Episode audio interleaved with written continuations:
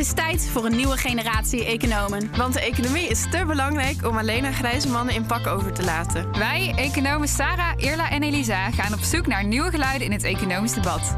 Welkom bij de Nieuwe Economen Podcast. Leuk dat je luistert naar deze vierde aflevering van de Nieuwe Economen Podcast. Ik ben Elisa, de host van deze podcast, en ik maak dit met collega-economen Irla en Sarah. We gaan het vandaag hebben over macro-economische modellen. We praten hierover met Eva Janssens, promovendus aan de Universiteit van Amsterdam. Welkom Eva. Hallo, dankjewel. Ik moet bekennen dat ik zelf uh, heel weinig weet van macro-economie. Uh, dus het economische systeem als geheel. Uh, ik ben zelf micro-econoom, dus het gaat me echt wel heel snel duizelen als ik de woorden centrale bank of inflatie hoor. dus ik hoop dat ik vandaag wat inzicht ga krijgen in hoe macro-economisch onderzoek er precies uitziet. Als eerste ben ik eigenlijk wel benieuwd wat jou zo aanspreekt aan macro-economie. Ja, dus mijn achtergrond is eigenlijk dat ik econometrist ben. Dus ik heb gestudeerd econometrie aan Erasmus Universiteit. En daarna ben ik de onderzoeksmaster gaan doen aan het Timberg Instituut. En wat ik daar eigenlijk ontdekte is dat macromodellen gewoon heel uitdagend zijn als econometrist. Vanwege verschillende redenen. Het zijn heel non-lineaire modellen. Het is een systeem, dus er zijn meerdere vergelijkingen en die moeten met elkaar kloppen. Het zijn hele complexe modellen, er zit heel veel. Ja, precies. Het is heel complex. En uh, verder kun je er ook heel belangrijke vragen mee beantwoorden. En die combinatie, dat het uitdagend is, maar ook heel relevant, uh, vond ik heel leuk. En daarom besloot ik om mijn econometrie toe te gaan passen op macromodellen. Hele relevante wiskunde. Ja, precies. Kun je een voorbeeld geven van één zo'n relevante vraag waar je graag antwoord wilde hebben toen je hiermee begon? Um, nou ja, specifiek ben ik dus tijdens mijn PhD-onderzoek gaan kijken naar uh, modellen waarmee we ongelijkheid kunnen bestuderen. Dus hoe hangt macro-economie met ongelijkheid samen? En, en dat zijn extra uitdagende modellen, omdat uh, we ander type data ook nodig hebben. Dus, dus dat zijn de type modellen waar ik echt door gefascineerd ben. In jouw uh, proefschrift schrijf je eigenlijk ook over een behoorlijk technisch onderwerp. Uh, het verbetering van de schatting van deze macro-economische modellen. Uh, waarmee we bijvoorbeeld inflatie voorspellen. je kijkt erin specifiek naar modellen waarin je mee kan nemen dus dat, dat er ongelijkheid is. Dat, dat, dat er verschillende mensen in de samenleving wonen. Dat er verschillende bedrijven zijn in, in een land. laten we even bij het begin beginnen. waar, waar worden macro-economische modellen eigenlijk zoal voor gebruikt? Uh, ja, dus je kan ze voor heel veel dingen gebruiken. Als we gewoon denken aan de standaardmodellen, voordat we begonnen, begonnen met kijken naar ongelijkheid, hadden we gewoon één gemiddeld bedrijf, één gemiddeld huishouden. En dan konden we bijvoorbeeld vragen stellen zoals stel de beleidsrente van de centrale bank gaat omhoog. Wat voor effect heeft dat op de inflatie, op de economische groei enzovoort. Maar nu dat we ook toelaten dat we verschillende huishoudens hebben, dat al die verschillende huishoudens anders zijn dan elkaar, hebben we ook ongelijkheid in dat model. En wat we daarmee kunnen doen is dat we bijvoorbeeld kunnen vragen, stel die beleidsrente gaat omhoog, heeft dat een verschillend effect op verschillende mensen? En uh, daarmee kunnen we dus eigenlijk veel gedetailleerdere vragen stellen dan voorheen. Maar ook kunnen we betere antwoorden formuleren op de vragen die we al hadden. Dus bijvoorbeeld, stel we veranderen de rente. Wat heeft dat voor effect op de inflatie? Die vraag kunnen we veel beter beantwoorden, omdat we nu uh, meenemen dat mensen op een verschillende manier gaan reageren op die veranderingen. Dus bijvoorbeeld één, of, um, één bekend voorbeeld is dat uh, de, de geneigdheid om geld uit te geven verschilt tussen inkomensgroepen. Um, dus als je uh, iemand in een lagere inkomensgroep extra geld zou geven, dan geeft hij daar waarschijnlijk een groter deel van uit dan iemand met een hoger inkomen, voor wie die paar extra euro minder uitmaakt. Ja, precies. En in, traditionele macromodellen was dat gewoon onmogelijk om mee te nemen, omdat er eigenlijk maar één gemiddeld persoon is. Maar nu met deze rijkere modellen kunnen we echt uh, in acht nemen dat sommige mensen heel weinig spaargeld hebben, andere mensen heel veel. En daardoor gaan ze heel anders reageren op. Uh, impulsen van uh, beleidsmakers. Ik ben wel benieuwd. Uh, zelf denk ik bij ongelijkheid heel vaak aan inkomensongelijkheid, vermogensongelijkheid, ja. kansenongelijkheid. maar jij zegt eigenlijk, we nemen al die verschillende ongelijkheden samen in ons model. Vandaar het macro misschien. Of... nou ja, dus we moeten eigenlijk als, als modelbouwer altijd kiezen welke soorten ongelijkheden we gaan, of gaan ongelijkheden we gaan focussen. Bijvoorbeeld, we beginnen altijd eigenlijk met inkomensongelijkheid. Dus mensen ervaren schokken voor hun inkomen. Ze kunnen een baan verliezen, ze kunnen een promotie krijgen enzovoort. Dat hebben we eigenlijk altijd nu wel in deze modellen zitten. En wat dat gaat doen, is het gaat leiden tot vermogensongelijkheid. Omdat mensen uh, vervolgens kiezen om meer of minder te sparen, afhankelijk van de schokken die ze over hun leven hebben ervaren. Wat we dan nog kunnen toevoegen is het feit dat sommige mensen misschien minder kansen krijgen, um, meer of minder risico in hun inkomen hebben, gezondheidsschokken, uh, iemands wasmachine kan kapot gaan, een auto, een ongeluk kan gebeuren. Al die soorten schokken kun je toelaten in het model. Maar meestal beginnen we simpel en beginnen we met bijvoorbeeld inkomensschokken. Eh, die dan vervolgens leiden tot uh, vermogensongelijkheid. Als we dan de beleidsrente als voorbeeld nemen, uh, wat betekent het dan als je die verschillen meeneemt? Dus de Europese Centrale Bank verhoogt bijvoorbeeld de rente omdat ze de inflatie willen drukken. Um, wat maken die verschillen daarvoor dan uit? Um, nou ja, bijvoorbeeld er zijn uh, wat onderzoeken die vooral hebben laten zien dat afhankelijk van uh, of jij veel vermogen hebt of juist weinig vermogen, dat je anders gaat, dat je een ander type beleid zou willen. Dat een ander type beleid voor jou optimaal is. Dus bijvoorbeeld mensen met heel weinig vermogen, die willen eigenlijk dat er vooral gefocust wordt op het stabiliseren van uh, werkloosheid en dan het uh, streven naar een lage werkloosheid. Dat is een van de doelen die de Amerikaanse centrale bank wel heeft, maar in Europa is dat niet deel van het mandaat. Terwijl dan blijkt dat uh, mensen met veel meer verhogen juist willen dat er heel erg streng gereageerd op, op stijging in inflatie. Dus die willen. Dus meer die prijsstabiliteit is dan belangrijker. Precies. Dus afhankelijk van of we besluiten om vooral te focussen op uh, groepen met laag vermogen of hoog vermogen, is een ander centraal bankenbeleid optimaal. Wel interessant, omdat uh, centrale banken hebben de neutraliteit natuurlijk ook als een belangrijk uitgangspunt. Maar je zegt eigenlijk is neutraliteit voor iedere persoon een ander begrip. Met neutraliteit bedoel je hoe het voor de ongelijkheid? Of wat bedoel je precies? Wat ik bedoel is dat um, centrale banken neutraal uh, opereren van de politiek. En het is niet de bedoeling dat bijvoorbeeld een centrale bank inkomenspolitiek doet. En de discussie die je bijvoorbeeld over klimaatbeleid hebt, is dat sommige economen zeggen van nou, uh, de centrale bank moet veel uh, duidelijker stelling nemen in het klimaatbeleid. Maar andere economen zeggen nee, dan komt de neutraliteit van de centrale bank in het geding. Sarah, je bedoelt eigenlijk dat de centrale bank zich dan, dan, dan eigenlijk invloed heeft op uitkomsten die de politiek wil sturen? Ja, dus er is eigenlijk altijd een. Uh, tenminste, ik dacht altijd dat er een heel streng onderscheid was tussen politiek en centrale bank. En dat de centrale bank vooral neutraal moest zijn.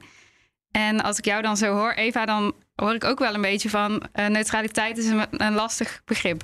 Ja, en ik denk dat daar pas heel recent eigenlijk aandacht voor is gekomen dat centrale bankenbeleid daadwerkelijk effect heeft op de vermogensverdeling.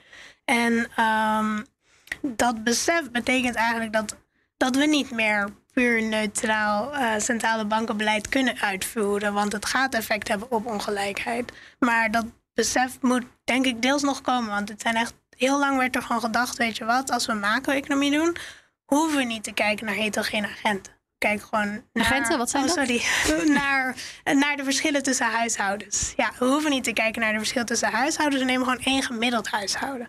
En dat, dat leek prima te werken. En er waren zelfs wat theoretische resultaten en bewijzen over dat dat genoeg is. Dat, dat, dat we echt niet naar het microniveau moeten kijken.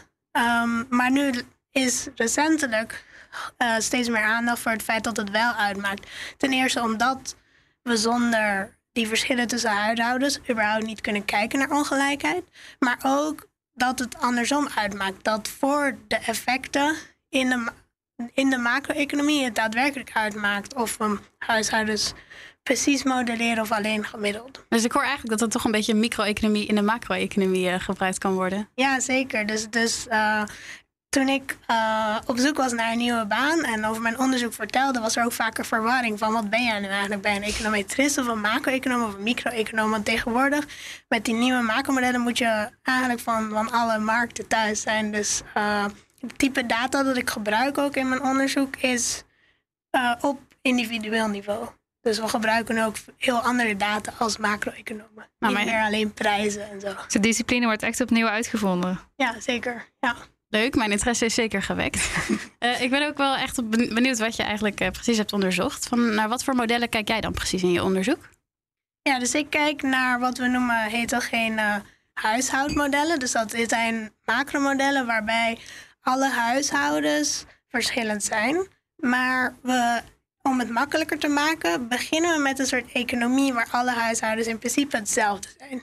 Alleen vervolgens ervaren ze allemaal schokken. Ze kunnen uh, hun baan verliezen, ze kunnen een promotie krijgen, ze hebben pech of geluk. En ze kunnen zich daar niet volledig tegen verzekeren.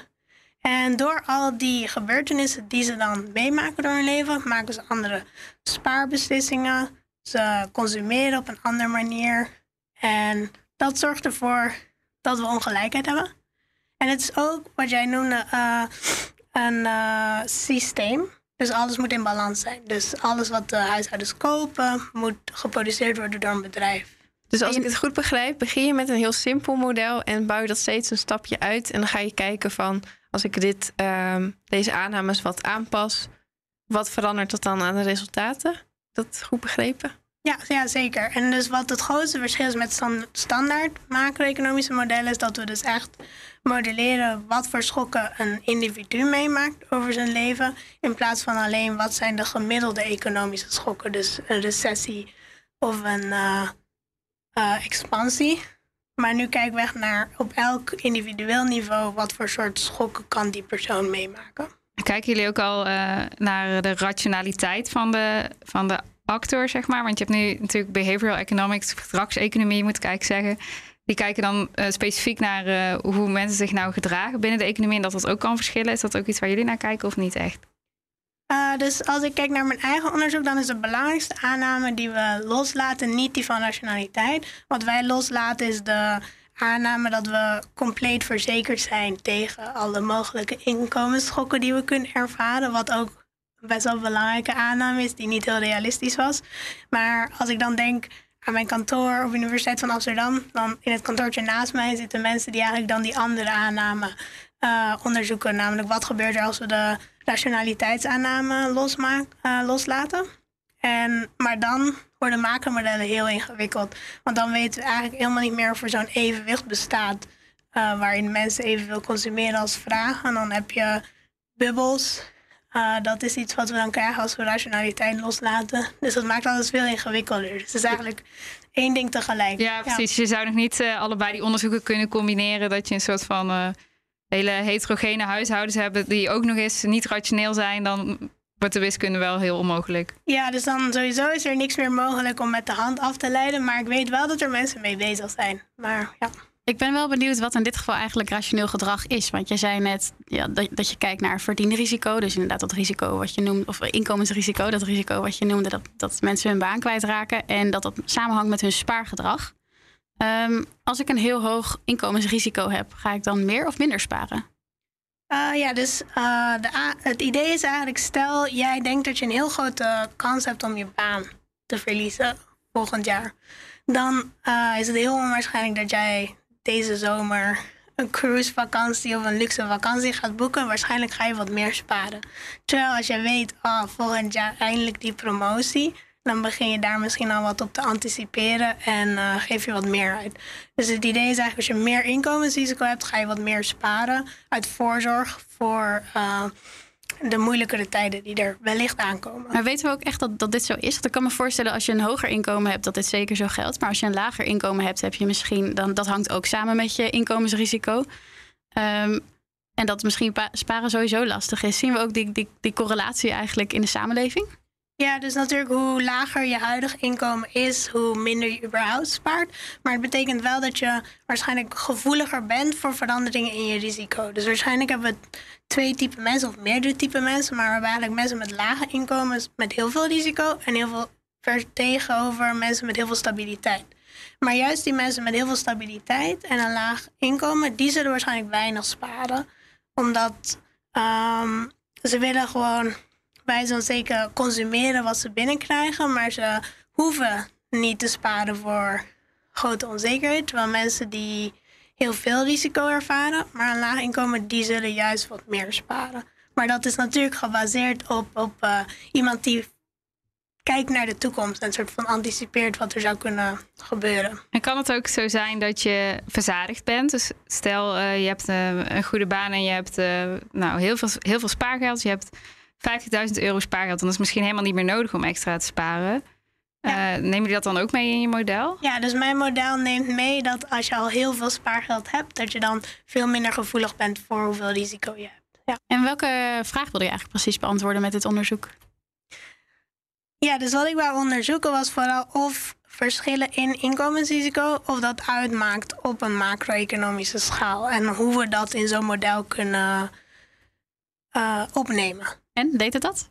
Ja, dus het blijkt dat, uh, dat er inderdaad grote verschillen zijn in inkomensrisico's. Ik kijk naar de Verenigde Staten, maar het maakt inderdaad echt uit. En wat ik ook zie is dat mensen daar daadwerkelijk ongelukkiger van worden. Dus ze zouden veel liever wonen in een economie waar iedereen een iets hoger, maar wellicht gewoon hetzelfde inkomensrisico had. En dit vind je dus met een model en niet door bijvoorbeeld naar uh, enquête data te kijken, hoe, ja, hoe ik dat dan weer waarschijnlijk aan zou pakken. Ja, dus er zijn verschillende manieren. Maar dus hier in dit geval is het natuurlijk een moeilijke vraag om te beantwoorden. Namelijk, um, als men meer inkomensrisico heeft, dan heeft dat ook effect op de economie als een geheel. En dat is iets wat je heel moeilijk zou kunnen meten met een enquête. Maar bijvoorbeeld geluk, hoe achterhalen jullie dat? Ja, dus als econoom uh, is geluk. Oké, je hebt een heel ander tak van sport, gelukseconomie. Maar als macro-econoom is geluk gewoon je utiliteit. Dus gewoon hoeveel kun je consumeren. Grappige anekdote. Ik heb ooit uh, Hoefie Huting, uh, de, de, de, ontwerper van het Milieu Duurzaam Inkomen, geïnterviewd. En toen, toen schreef ik mijn scriptie over gelukseconomie. En toen vond hij dat dat geen economie was, want economie gaat over schaarse goederen. En geluk is toch niet schaars? Nou, ik zou, ben het daar niet mee eens. Nee, ik was het daar niet Geluk lijkt mij ook wel ergens... Ja, lijkt me ook ergens wel schaars. Mag ik nog even terug uh, op de resultaten? Want je zei net even van... Eigenlijk wil iedereen best wel een iets hoger inkomensrisico uh, lopen... als dan het gemiddelde risico in de maatschappij uh, op een stabiele niveau is. Klopt dat? Ja, dus je hebt eigenlijk in mijn onderzoek heb je twee categorieën. Je hebt individuen met laag risico en hoog risico. En wat dan blijkt is dat mensen liever tussen de twee in zouden willen, maar dan dat dat verschil er niet zou zijn. Dus, je, dus eigenlijk willen ze een gelijkere maatschappij? Ja. Omdat er altijd een kans is dat je naar een hoger risicosniveau kan uh, gaan. En hebben jullie, want uh, je hebt best wel veel, uh, nou ja, misschien zit het specifiek hoor, maar ik ben zelf altijd geïnteresseerd in social welfare functions. Is dat ook iets wat jullie meenemen? Of? Ja, dus wat ik gerelateerd aan welvaart dus bereken is dat hoeveel mensen van hun consumptie zouden willen opofferen om dan uh, in een ander type economie te wonen. Dus zeg maar, wat ik dan vind is dat mensen 0,5% van hun consumptie over hun hele leven zouden willen opofferen om in een economie te kunnen leven zonder, dat, zonder die verschillen in risico. Is dat veel, 0,5% Ja, het klinkt heel weinig, maar het is eigenlijk heel veel. En het is bijvoorbeeld vergelijkbaar met de hoeveelheid die mensen zouden willen betalen om in een economie te leven zonder business cycles. Dus zonder verschillen met recessies en uh, expansies. Dus dat is best wel. Uh, ik weet niet, dat is alsof we nu zouden denken: wat als er nooit een financiële crisis was of nooit een uh, coronacrisis, maar ons inkomen op die manier niet varieerde. Oké, okay, ja, zo gezegd vinden mensen dat inkomensrisico dus ja, best wel vervelend. Ja. En is er dan ook een manier om dat in inkomensrisico te verkleinen? Uh, nou ja, dus ik kijk naar de Verenigde Staten en daar natuurlijk zijn er, is het niet onverwacht dat er grote verschillen zijn in inkomensrisico. We hebben mensen met heel stabiele banen, maar we hebben ook mensen die vijf banen met elkaar jong leren om, om rond te komen. En dan is natuurlijk, als we Nederland en de Verenigde Staten met elkaar vergelijken, um, ja, is er gewoon veel mogelijkheid tot betere arbeidsmarktprotectie in Amerika. Er wordt ook wel eens gezegd dat Nederland een beetje richting het Amerikaanse model gaat. Dus steeds meer uh, flexbanen. En als ik dan jouw onderzoek bekijk, dan kan het dus best wel een negatieve impact hebben op de economie. Uh, nou ja, vooral dus op de welvaart van mensen. Ja. En je hebt dan dit model gemaakt uh, ja, op basis van de Amerikaanse economie. Um, als je dit model zou maken op de Nederlandse economie, wat voor een aannames zou je dan veranderen? Ik denk dat de aannames vergelijkbaar zouden zijn, maar de data die ik gebruik is anders. En daardoor zouden de, de conclusies ook heel anders zijn. Dus bijvoorbeeld, ik verwacht dat ik zou vinden dat de verschillen in inkomensrisico kleiner zijn en dat het totale inkomensrisico ook kleiner is. Oh ja, dit, dit helpt me er even aan herinneren dat, dat, dat het model wat jij gebruikt niet hetzelfde is als een theoretisch model. Ja. er zitten natuurlijk onderliggende data achter. Ja, precies. Ja. Maar um, denk je dus ook dat, uh, omdat de inkomensverschillen nu al kleiner zijn, dat misschien ook de geneigdheid van, die, uh, van de mensen in Nederland om extra te betalen, om te zorgen dat die inkomensverschillen, uh, of die, dat inkomensrisicoverschil moet ik zeggen, kleiner wordt, dat dat misschien dan ook lager is? Ja, dat denk ik wel. Ook omdat inderdaad in, in Nederland de inkomensongelijkheid veel kleiner is dan in Amerika. Ja, interessant. Ja, ik, super interessant. Ja, ik vind het super interessant. In een van je andere onderzoeken in je proefschrift onderzoek je in hoeverre iemands inkomensrisico afhangt van de economische tijd. Dus of we in een crisis leven of niet. Maakt het uit?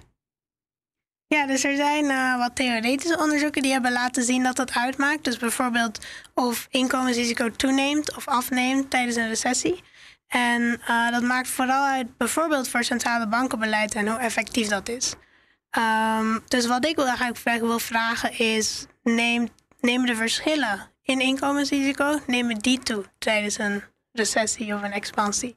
En uh, ook dat verwacht ik dat gaat uitmaken, omdat als, uh, er, als er één deel, als er één groep is in de economie die heel erg beïnvloed wordt door die toename in risico en een andere groep niet, dan heeft dat ook effect, uh, maakt dat ook uit voor hoe ja, dit is wel heel moeilijk. Sorry. Nou ja, want het is ook lastig. Ik kan het misschien wel koppelen aan een voorbeeld. Want ik dacht juist van uh, tijdens een recessie is het inkomensrisico, dus de kans dat jouw inkomen plotseling afneemt, voor iedereen in de economie groter. Omdat nou, het is gewoon een slechte tijd voor de economie.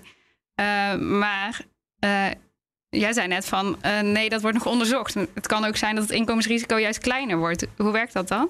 Ja, dus dat weten we eigenlijk niet zeker. Omdat het hangt natuurlijk ook af van het beleid dat wordt uitgevoerd. Dus als uh, fiscaal beleid ervoor zorgt dat uh, iedereen eigenlijk heel veilig is. Bijvoorbeeld tijdens de coronarecessie zagen we dat er uh, heel veel strengere regels waren om mensen zomaar te kunnen ontslaan. Dus eigenlijk tijdens de coronacrisis in Nederland was er best wel weinig inkomensrisico. voor, zelfs voor de zelfstandig ondernemer waren er heel veel beleidsmaatregelen om te zorgen dat zij daar niet heel erg onder zouden lijden. Dus het is eigenlijk helemaal niet zo triviaal om te zeggen: neemt inkomensrisico toe of af tijdens een recessie. Dat is echt nog met de politieke uh, beleid. Want bijvoorbeeld in Nederland had je dan in 2012 hadden een recessie en toen is er best wel uh, fiscaal ingegrepen en uh, hebben we bezuinigd ten gevolge van de recessie. En in de coronacrisis hebben we het eigenlijk compleet anders aangepakt. Zijn we juist veel meer geld uit gaan geven. En jij zegt dat heeft veel invloed op het inkomensrisico. En daarom staat het dus niet per se vast uh, of in elke crisis een uh, inkomensrisico toeneemt. Ja, precies. Maar daarbij gaat het ook, uh, moeten we kijken naar wat voor type crisis we hebben. Dus de coronacrisis is echt een aanbodscrisis, terwijl de financiële crisis was echt een vraagcrisis. En dus afhankelijk van hoe mensen, wat voor type crisis, is er ook een ander fiscaal beleid. En dat heeft dan ook weer effect op wat dat doet met inkomensrisico. En, en heb je nou een idee van, uh, nou misschien is het wel heel politiek hoor, maar uh, we hebben uh, nu een geopolitieke crisis en dan hebben we een nieuwe recessie. Wat zou dan de beste reactie zijn, denk je? Als je denkt van nou nee, dat, dat is een moeilijke vraag, ja. um, ja, dus nu, ja, dus we hebben aan de ene kant inkomensrisico. En het effect dat de huidige uh, economische situatie daarop heeft. Aan de andere kant lijkt dit vooral veel effect te hebben over op het uitgavensrisico. Dus zeg maar vooral de uitgaven van huishoudens staan onder druk door de toename in prijzen. En, uh, je bedoelt, de benzine wordt duurder, dus we gaan daar meer aan uitgeven. Ja, precies. En uh, energie, gas, uh, eigenlijk uitgaven waar we heel moeilijk omheen kunnen, die gaan op omhoog. En, uh, en inkomensrisico en uitgavensrisico liggen heel dicht bij elkaar. En uh, ik denk dat nu de aandacht van, uh, van beleid vooral moet gaan over uitgavensrisico. Ja. Ik ben eigenlijk wel benieuwd in hoeverre huidig beleid of huidige macro-economische modellen eigenlijk al rekening houden met verschillen tussen mensen. Um, op dit moment, als ik kijk naar um, de modellen die centrale banken gebruiken, valt dat nog heel erg mee. Dus, tegen uh, eigenlijk. Uh, sorry, ja, valt het nog heel erg tegen. Uh, maar ik weet wel dat er heel veel stappen worden gezet. Dus natuurlijk, we kennen van de CPB die koopkrachtplaatjes. Dus we weten dat zij kijken naar wat heeft een verandering in het beleid voor effect op individuele huishoudens. Maar om dat dan weer mee te nemen in een macro-economisch model, dat, dat op iedereen een ander effect heeft en dat iedereen daar anders op gaat reageren, dat wordt dan weer niet uh, gedaan. Om dan weer te kijken wat het effect is op de gehele economie. Oh, ik dacht dat de koopkrachtplaatjes ook een macro-economisch model waren. Uh, dus zeg maar, het is eigenlijk een, een uh, eenzijdig model. Oh, dus eigenlijk, we kijken wel wat het voor effect heeft op al die individuele mensen, maar dan niet het feit dat het op iedereen een ander effect heeft. Wat heeft dat dan weer voor effect op de economie? Dat is eigenlijk ook het geval bij de inflatie. Want de inflatie is één cijfer waar best wel veel op wordt gestuurd. Bijvoorbeeld door de Europese Centrale Bank. Um, maar de inflatie gooit eigenlijk alle Nederlanders op, op één hoop. En geeft aan van um, met hoeveel prijsstijgingen de economie als geheel eigenlijk te maken heeft. Terwijl de inflatie die Sarah ervaart, kan heel anders zijn dan uh, mijn, mijn inflatie, omdat ik een ander uitgavenpatroon heb. Um, Bijvoorbeeld omdat jij geen auto heeft en Sarah wel. En, uh... Ja, of een huis. Uh, nou, nu hebben wij allebei geen huis, dus dat scheelt. en ook allebei geen auto. Oh, nee. Ook allebei geen auto. Maar bijvoorbeeld of je, hoe je de woonlasten meeneemt in de inflatie maakt ook erg uit. Um, heb ik vorig jaar onderzocht uh, samen met het Financiële Dagblad. En toch wordt er wel veel op gestuurd. Dus, dus jij zegt eigenlijk, er wordt te veel gestuurd op dat ene inflatiecijfer. En dan, dan valt die ongelijkheid daarachter een beetje weg. Ja, ik denk dat uh, het onderzoek van Eva wat dat betreft heel belangrijk is. Omdat het in kaart brengt dat er heel veel verschillen zijn tussen mensen. En ja, het is heel moeilijk om dat in één cijfer te vatten, zoals inflatie. Maar we moeten ons er wel bewust van zijn. En ook zo'n Europese Centrale Bank zou dan op zijn minst naast de inflatie ook kunnen sturen op ongelijkheid of wat doet de lage rente met de woonmarkt, uh, ongelijkheid op de woningmarkt, et cetera. Maar gaat dat dan niet ten koste van die neutraliteit die Sarah aan het begin noemde? Um, ja, maar dan komen we denk ik terug op die eerdere discussie over is de Europese Centrale Bank uh, neutraal? Ik denk als er veel verschillen zijn tussen mensen, dan, ja, dan, dan kan je als Europese Centrale Bank ben je eigenlijk nooit helemaal neutraal. Dus het, ja, het staat los van de politiek. Maar echt neutraal beleid bestaat eigenlijk niet. Ik uh, herken me daar wel in, want wat je net zei over uh, energie. Nu stijgen de energieprijzen heel hard en dan wordt, uh, de, wordt inflatiecijfer ook heel snel veel hoger. En dan wordt ook meer ingegrepen. Maar de woningprijzen die zijn al veel langer aan het stijgen. Maar dat had weinig invloed op de inflatie. Terwijl voor sommige mensen dat juist een uitgavenpatroon is. Dus het, ja, je persoonlijke inflatie kan heel erg verschillen. Ja, klopt. En het heeft, dat heeft dan natuurlijk ook weer mee te maken dat een huis door uh, veel economen statistisch wordt gezien als vermogen. En dat valt dus niet onder de inflatie, want het gaat over consumptie. Maar goed, dit is weer een hele andere discussie misschien. Wil jij nog wat aan toevoegen, even? ik denk wel dat het een interessante toekomstige onderzoeksagenda kan zijn. Als je zelf ooit nog denkt aan een PhD doen. Want de meeste modellen die we zelf hebben, die ik bijvoorbeeld gebruik, daar is eigenlijk maar één prijs. Dat is gewoon de prijs van een goed. Maar we maken geen onderscheid tussen energieprijzen, prijzen van duurzame goederen en ook nog de huizenprijzen tegelijk. We hebben gewoon één prijs en dat is dan die inflatie die daarmee samenhangt. Uh, en ik denk ook deels daardoor dat er eigenlijk vooral op één cijfer wordt gefocust, omdat onze modellen meestal maar één inflatiecijfer hebben. Maar wat jij eigenlijk zegt, is we moeten verschillende prijzen afhankelijk van, van wat individuen dan besluiten te consumeren, hebben ze ook een andere ervaring van wat die inflatie is. Ja, je zou bijvoorbeeld kunnen denken aan weet je, vijf indicatoren. En dan zeg je wel, nou, inflatie is misschien de belangrijkste. Maar we hebben ook een huizenprijsindex. En als die boven een bepaald cijfer uitkomt, gaan we ook ingrijpen als centrale bank. Ja, en dan, dan ja, krijgen we dus inderdaad echt die uitdaging van, van voor wie voeren we dan dit centrale bank. is het dan uh, neutraal? Ja. Nou, ik denk dat het wel een hele mooie conclusie is om te zeggen van neutraliteit is zo makkelijk nog niet. Eva, jij uh, was dit jaar on the market, of de economic job market, uh, zoals we dat noemen. Uh, ik vind het zelf als PhD altijd heel grappig dat de economen de meest concrete arbeidsmarkt hebben gecreëerd. kun jij kort uitleggen hoe deze markt in elkaar zit? Ja, dus eigenlijk hebben alle bedrijven die voor PhD-studenten zoeken, alle universiteiten, maar ook bijvoorbeeld centrale banken in Amerika en later ook in Europa besloten, we gaan dat allemaal tegelijk doen. Dus we maken één website met alle banen daarop. En iedereen moet daarop solliciteren met dezelfde deadline. Vervolgens is er dan eerste week van januari uh, een interviewproces waarbij al die PhD's samenkomen met al die werkgevers op zoek naar een baan. En die hebben dan 30 minuten interviews met elkaar. En Echt dan, heel letterlijk een markt. Ja, Ja. klinkt ook echt als de natte droom van een econoom, toch? Om zo'n markt zo vorm te geven dat iedereen perfecte informatie heeft en dat alles samenkomt op één plek. Is dat ook echt zo ideaal? In de praktijk is er natuurlijk nog steeds eh, heel veel timing issues. Bijvoorbeeld, eh, op een bepaald moment komt er toch een fase dat één universiteit of één centrale bank jou al een, eh, een aanbod doet voor een baan. Terwijl die andere plek nog niet klaar is met al zijn interviews. En uiteindelijk is, eh, is het toch nog wel een eh, uitdaging om dat allemaal goed te coördineren. Maar in principe veel gecoördineerder dan als het helemaal verspreid zou zijn over een jaar. Het is wel zo, eh, stel dat je nou net migraine of corona hebt in die eerste week van januari, dan moet je een jaar wachten. Nou ja, ik werd ook daadwerkelijk heel ziek op Oh, de echt? eerste dag van mijn interviews in januari. Dus dat is nog best wel spannend. Maar gelukkig omdat alles op Zoom was dit jaar, kun je even oppeppen vlak voor zo'n interview. Maar ja, er zijn wel echt horror stories over eh, mensen die dan eh, in de sneeuw rennend naar een interview moeten terwijl ze eigenlijk heel ziek zijn. Eh, ja. Ja, de druk is ook behoorlijk hoog. Ik bedoel, je concurreert met eigenlijk alle PhD's ter wereld in economie die ook een baan zoeken op dat moment. Eh, maar voor jou heeft het wel tot een hele mooie baan geleid.